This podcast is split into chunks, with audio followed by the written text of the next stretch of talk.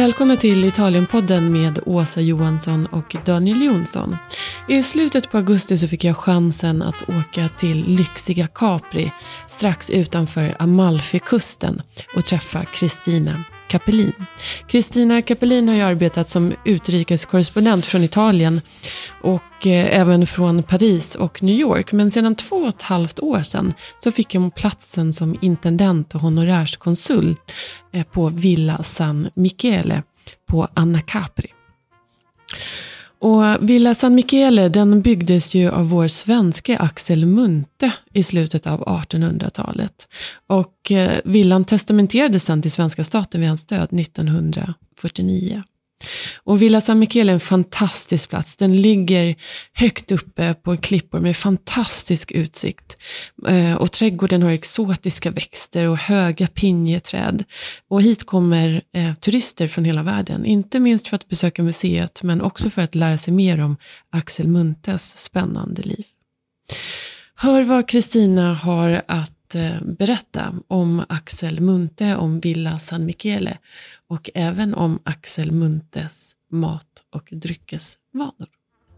Hoppas ni tycker om det. Ciao ciao, vi ses snart!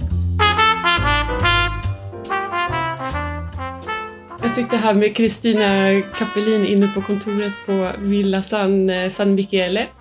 Ehm, jag tänkte bara fråga dig om du kan berätta för våra lyssnare om Villa San Michele och om Axel Munthe, eh, vem han var och hur han kom hit? Eh, det är en, en lång historia som, som är svår kort. att göra kort, men jag ska ändå försöka. Eh, Axel Munthe, vi kan ju börja med att liksom placera honom i tiden. Han föddes 1857 eh, och dog 1949. Han är född i Oskarshamn i Småland och han dog på Stockholms slott. Så att eh, redan det säger ju någonting liksom om den resa han gjorde. Och han kom ifrån en eh, vad ska vi säga, en, en familj som hade det bra utan att på något sätt vara liksom överdrivet förmögen eller, eller särskilt betydelsefull kanske. Men det är faktiskt samma munte som ni som är lite äldre och lyssnar kanske minns den där Borgmästare Munte red på sin brunte. Det är alltså samma familj. Och eh, eh Munte föds alltså i den här eh, apotekarfamiljen. Han eh, har två syskon. Han är uppenbarligen ett ganska livligt och för föräldrarna lite besvärligt barn. Eh, och eh, eh ja, nu, nu hoppar vi lite friskt här och eh, familjen flyttar så småningom till Stockholm eh, och Munte börjar eh, studera förberedande studier för att bli läkare. Eh, och han är nu 18 år och då upptäcker man att han har en lungsjukdom som man förmodligen då tror är tuberkulos. Ehm, och det är ju på sitt sätt intressant just nu med tanke på att det var liksom den tidens stora mm. fara naturligtvis. Liksom. Man var väldigt orolig för att, att ens barn och eller man själv skulle få tuberkulos. Och då skickar familjen honom till ett sanatorium i Monton i Frankrike eh, där han faktiskt blir frisk. 50, ungefär 50 procent blev friska. Och då, eh, innan han då återvänder så att säga till sitt vanliga liv så bestämmer han sig för att göra en resa. Och då reser han först till Neapel, sen till Sorrento och från Sorrento tar han en båt till Capri. Vet man varför han väljer just Italien? Delvis tror jag att det beror på helt enkelt eh, den tidens bildningsresor som ju unga män framförallt, men även unga kvinnor från viktiga familjer gjorde. Mm, Grand Tour. Eh, exakt, och han skulle liksom se eh, antiken med sina egna ögon. Och, och jag tror att han måste ha blivit, Neapel är ju än idag en sån där stad som man antingen älskar eller hatar och jag tror att Munte blev extremt fascinerad av Neapel, eh, men lite rädd också. Det finns ett väldigt roligt foto av honom. Han går och tar ett foto av sig själv i en, eh, en fotoateljé eh, och då ser man liksom en väldigt allvarsam, lite sådär rundkindad yngling liksom med en pince på näsan och en liten rundkullig hatt och han ser sig just faktiskt lite uppskrämd ut. Ehm, och i alla fall så åker han alltså vidare till Sorrento och därifrån tar han båten till Capri. Ehm, och på den tiden så fanns det faktiskt ingen hamn i Capri utan man ehm, ungdomar på stranden liksom lyfte ut eh, eh, turisterna som faktiskt redan då hade börjat komma. Ja, de lyfte ut dem i båtarna? Ja, och liksom bar dem in på okay. land. Eh, och han berättar i boken om hur han då han kommer i land och då står det ett antal gamla åsnor där som det är unga flickor som, som så att säga för och så får turisterna sätta sig på åsnorna och komma upp då till Capri som är den lite större staden på ön, eller Anna Capri som är den där vi nu är och som ligger allra högst upp. Och eh, man förstår liksom att han blir helt betagen. Han tror att han är i paradiset. Och eh, han, eh, de, de stånkar upp liksom hela vägen upp då hit och det är i alla fall en 350 meter, en väldigt brant trappa som heter den feniciska trappan. Eh, och Munter kommer hit upp där villan ligger idag. Han är 18 år på sitt 19. Han ser sig omkring och säger här skulle jag vilja bygga ett hus. Eh, och då gör han det också, eh, ungefär 20-25 år senare kan man säga. Eh, och det är en av de mest fascinerande eh, dragen, eller ett av de mest fascinerande dragen i hans personlighet, att han är faktiskt verkligen en man som förverkligar sina drömmar. Ehm, och eh, efter den här vistelsen på Capri så åker han tillbaka till Frankrike där han utbildar sig till läkare. Eh, och det gör han med Charcot, bland annat Charcot är den franska läkare som upptäckte eh, hypnosen, eller liksom uppfann hypnosen som eh, botemedel eh, mot hysteri. Alla kvinnor som hade någon form av psykiska besvär kallades för hysteriska och med hjälp av hypnos ansågs man, man ansåg man sig kunna bota detta. Och Munte blir mycket riktigt eh, väldigt intresserad av psykologi och är faktiskt väldigt framgångsrik som eh, vad ska vi säga, vi får väl kalla det psykiater eftersom han var läkare, men han, eh, han har många kvinnliga patienter som känner att de verkligen får hjälp av honom. Eh, och det där är en lång och spännande, ett långt och spännande sid, sidospår, men jag, jag låter det vara så länge.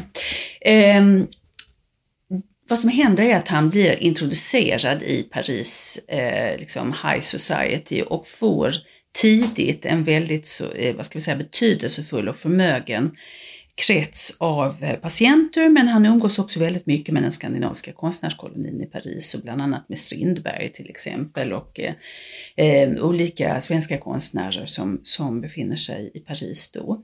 Eh, och eh, Hans eh, praktik blev väldigt, den blev känd, han är framgångsrik, han har faktiskt liksom, han lyckas med sina patienter och allt det här innebär att han blir känd, han tjänar antagligen ganska mycket pengar och eh, han kommer ganska tidigt i kontakt med svenska kungahuset. Prins Eugen är den första av hans kungliga patienter. Eh, och när så småningom den dåvarande kronprinsessan Victoria, som gifter sig med den blivande kungen Gustav V. När hon eh, ger sig ut på utlandsresor och är på väg tillbaka till Sverige och behöver läkarvård, då vänder hon sig också till Munte. Ehm, och nu ehm, eh, har tiden gått som sagt, Munte har blivit, gjort sig ett namn. Han har då eh, i, vid sekelskiftet eh, eh, börjar han bygga den här fantastiska Villa San Michele där vi nu är. Som är en, en stor vit patriciervilla allra högst upp på, på Capris topp. Ehm, och där man kan säga han blandar traditionell Capri arkitektur med nyklassicismen som då var på modet. Eh, han köper en stor och väldigt egentligen ganska så spretig men eh, intressant konstsamling, alltså han köper olika konstföremål som han liksom sen placerar mm efter eh, eh, ja, sina egna önskemål kan man väl säga. Och han eh, bygger till villan eller liksom en, en fantastiskt vacker trädgård också som, som har en väldigt lång pergola och Carl Milles som har varit här är en av de många kulturpersonligheter som var på villan under Muntes livstid sa att det här, den här pergolan är det bästa, det mest perfekta uttrycket för det oändliga därför att den tar liksom, det känns som att den aldrig tar slut. Mm. Man går och man går och man går och man, det, man kan faktiskt liksom på varma eh, kvällar liksom när det är sådär liksom fuktigt och ångigt liksom. Om man inte riktigt ser fastlandet så kan man verkligen ha känslan av att man är ja, i paradiset. Mm, ja men det förstår jag. När man kommer upp där så mm. är det så att man måste stanna till för att det är så vackert. Ja. Den pergolan. Ja men det är verkligen det. Mm. Det är mm. otroligt vackert och väldigt, väldigt grönt och, och liksom fantastiska blommor. Det blommar året runt här. Um, och som sagt så han bygger detta drömhus då till sig själv eh, som står färdigt precis efter, eh, vad ska vi säga, omkring 1901, 1902. Eh, och det fyller han med, med eh, betydelsefulla gäster och då talar vi liksom dels om kungligheter, han har nu blivit den, eh, nu är eh, kronprinsessan drottning, han har blivit hennes livmedikus. Eh, men han umgås, och han umgås med aristokratin, han umgås med andra kungligheter, men har också ett antal stora kulturpersonligheter på besök här. Och bland annat till exempel Oscar Wilde som efter att han fängslades för, eh, för att vara homosexuell är liksom betraktad som någon sorts paria och ingen vill liksom ta i honom med tång. Men Munte tar emot honom här på villan tillsammans med Wildes älskare som hette, kallades för Bosie. Och, eh, så att det är som ni hör, liksom, han har ett väldigt eh, eh, spännande umgänge och han är väldigt, man måste nog säga att han på många sätt för sin tid är en väldigt öppen person, intresserad och nyfiken. Ehm, eh, ja, en väldigt stark personlighet, väldigt speciell på många sätt och vis. Och eh, han skriver också. Eh, han skriver dels, eh, han börjar faktiskt skriva journalistik för Stockholms Dagblad och då skriver han reportage från Neapel när han arbetar där som frivillig läkare under en koleraepidemi. Så det är hans första, de här reportagen sätts sen samman till en bok som faktiskt blir ganska framgångsrik både i, Sverige och i England för den skrivs nämligen ja, också på engelska. Mm. Och sedan när han så småningom liksom gör sitt livs stora verk som är det som heter Boken om San Michele som kom ut 1929, då skriver han den på engelska faktiskt. Och, eh, så den kommer först ut i England och den här boken blir, kan man väl säga, en av sin tids absolut största internationella bestsellers. Det är en, I eh, reklamen från den tiden så står det att bara Bibeln och Koranen är mer läst än boken om San Michele. Och den är, den är faktiskt översatt i över 40 språk.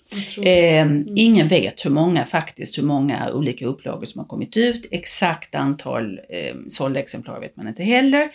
Men man vet att Munte förhandlade med eh, jag hoppas jag minns rätt nu när jag säger att det var Metro Goldwyn Mayer, om att göra en storfilm av boken och där John Barrymore skulle spela Munte och det är, kan man säga, om det hade varit idag, det är som att man hade bett George Clooney göra Munte. Så att det var verkligen eh, ett jätteprojekt som sen eh, stöp på att Munte var lite för eh, girig. Han ville ha mer pengar än vad de var villiga att ge honom helt enkelt.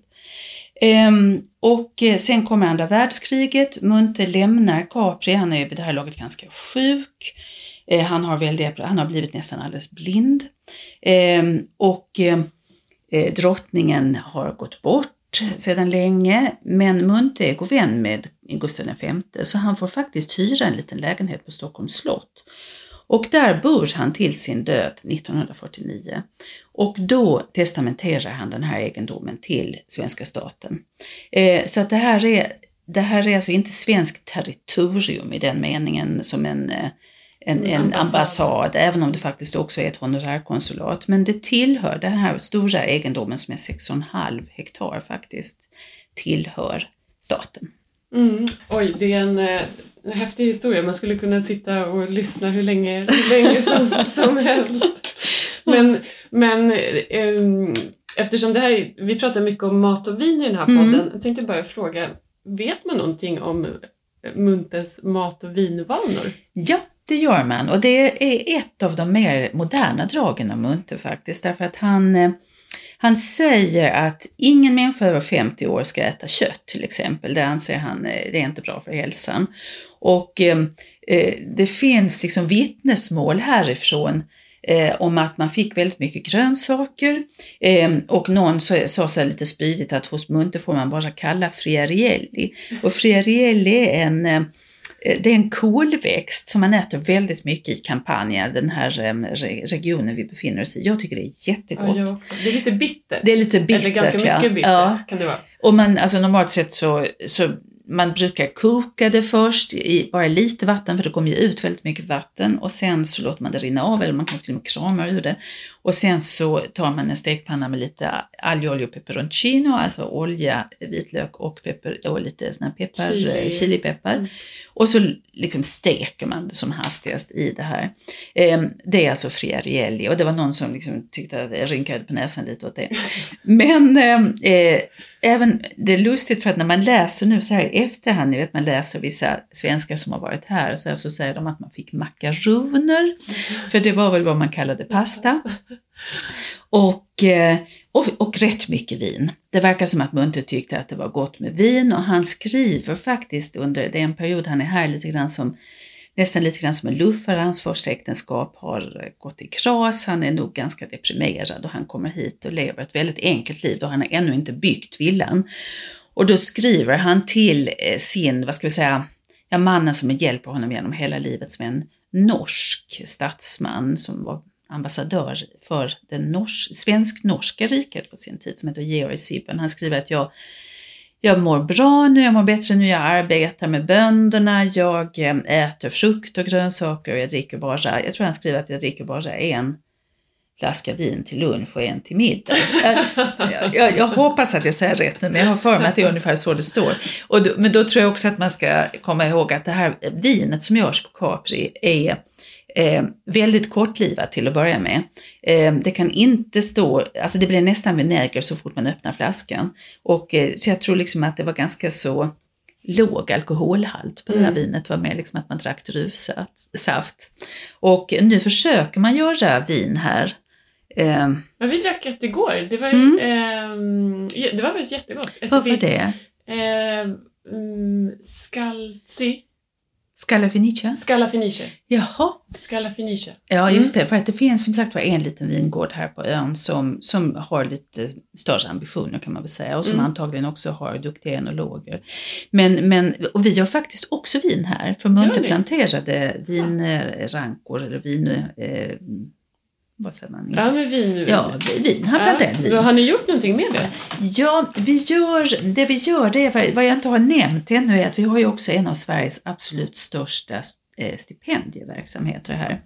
Så att varje år kommer till Villa San Michele mellan 80 och 90 svenska stipendiater, huvudsakligen från kulturvärlden men även från eh, den akademiska världen och även journalister. Allt detta i enlighet med Muntes eh, donations anvisningar i testamentet.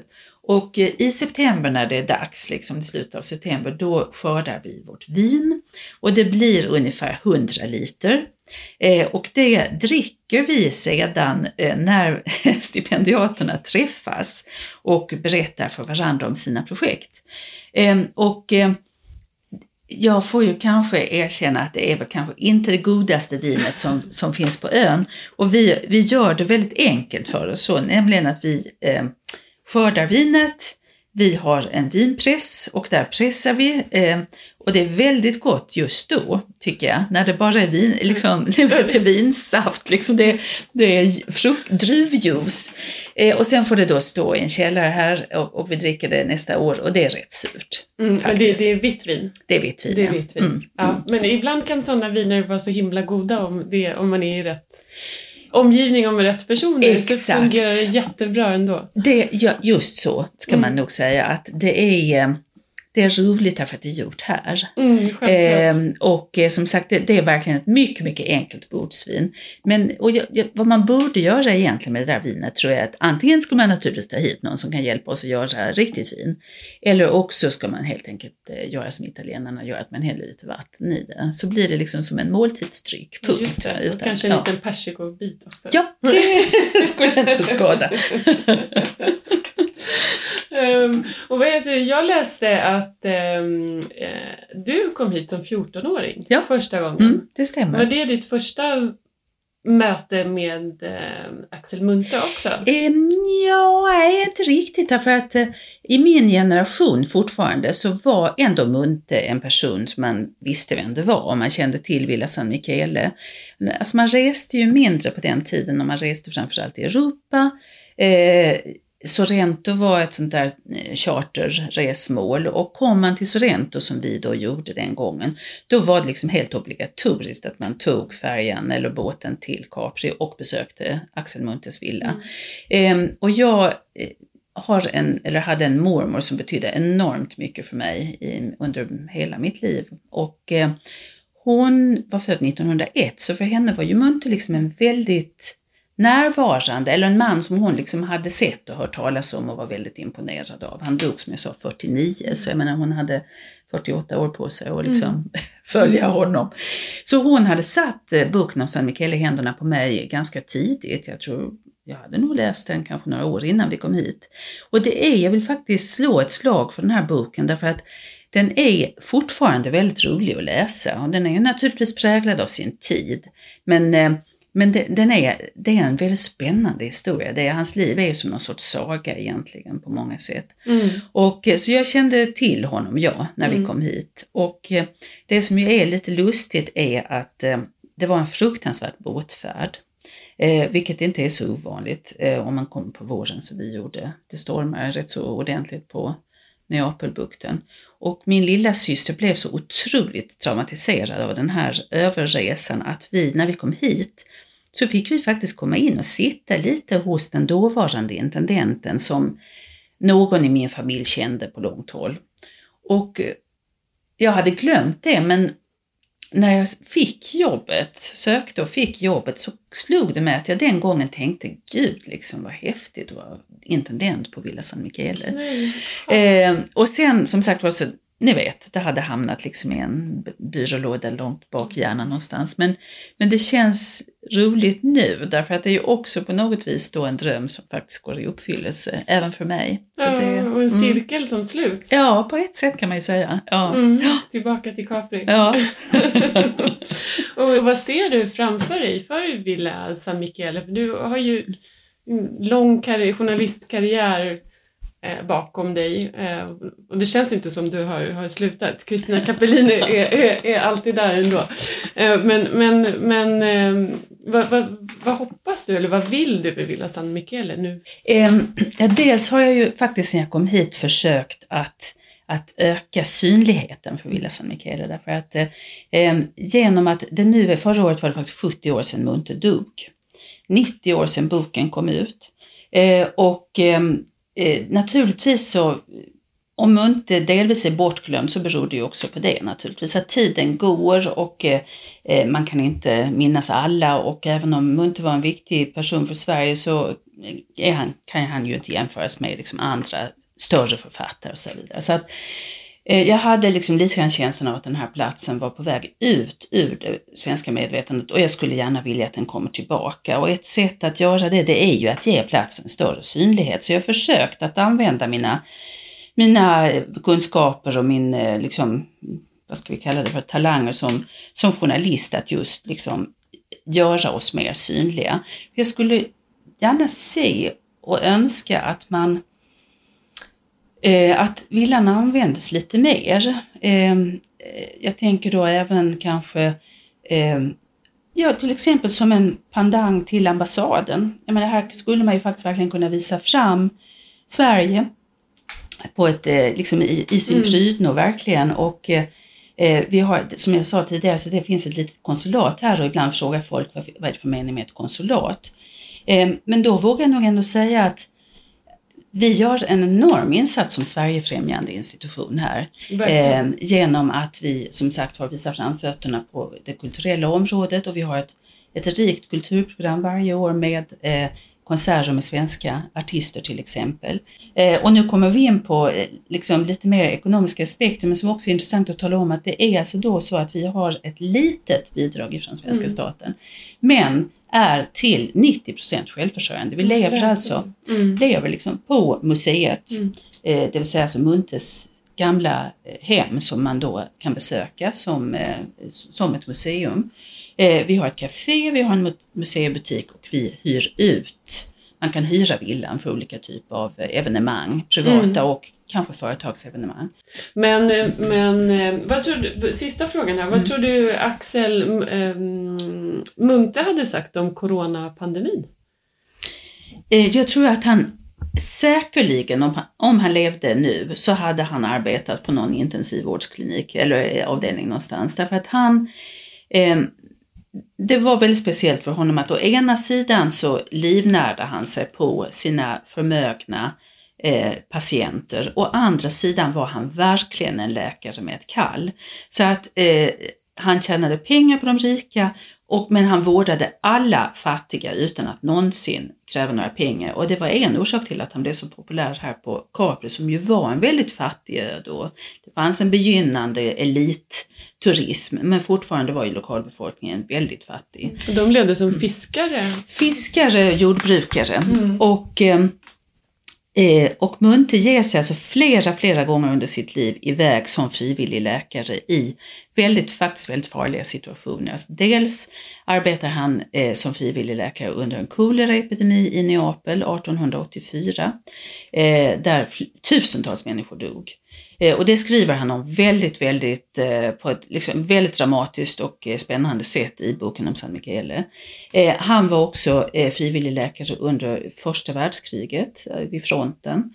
Han åkte till Messina, Messina alltså som ligger på Sicilien, drabbades av en oerhört stark jordbävning i början av 1900-talet och även dit åker Munte och hjälper till så att säga. Så att han, han var verkligen en på alla sätt aktiv läkare och eh, som jag sa, jag är övertygad om att han hade varit någonstans och arbetat med covid på ett aktivt sätt säkert. Mm. Tack så jättemycket Kristina. Tack. Tack.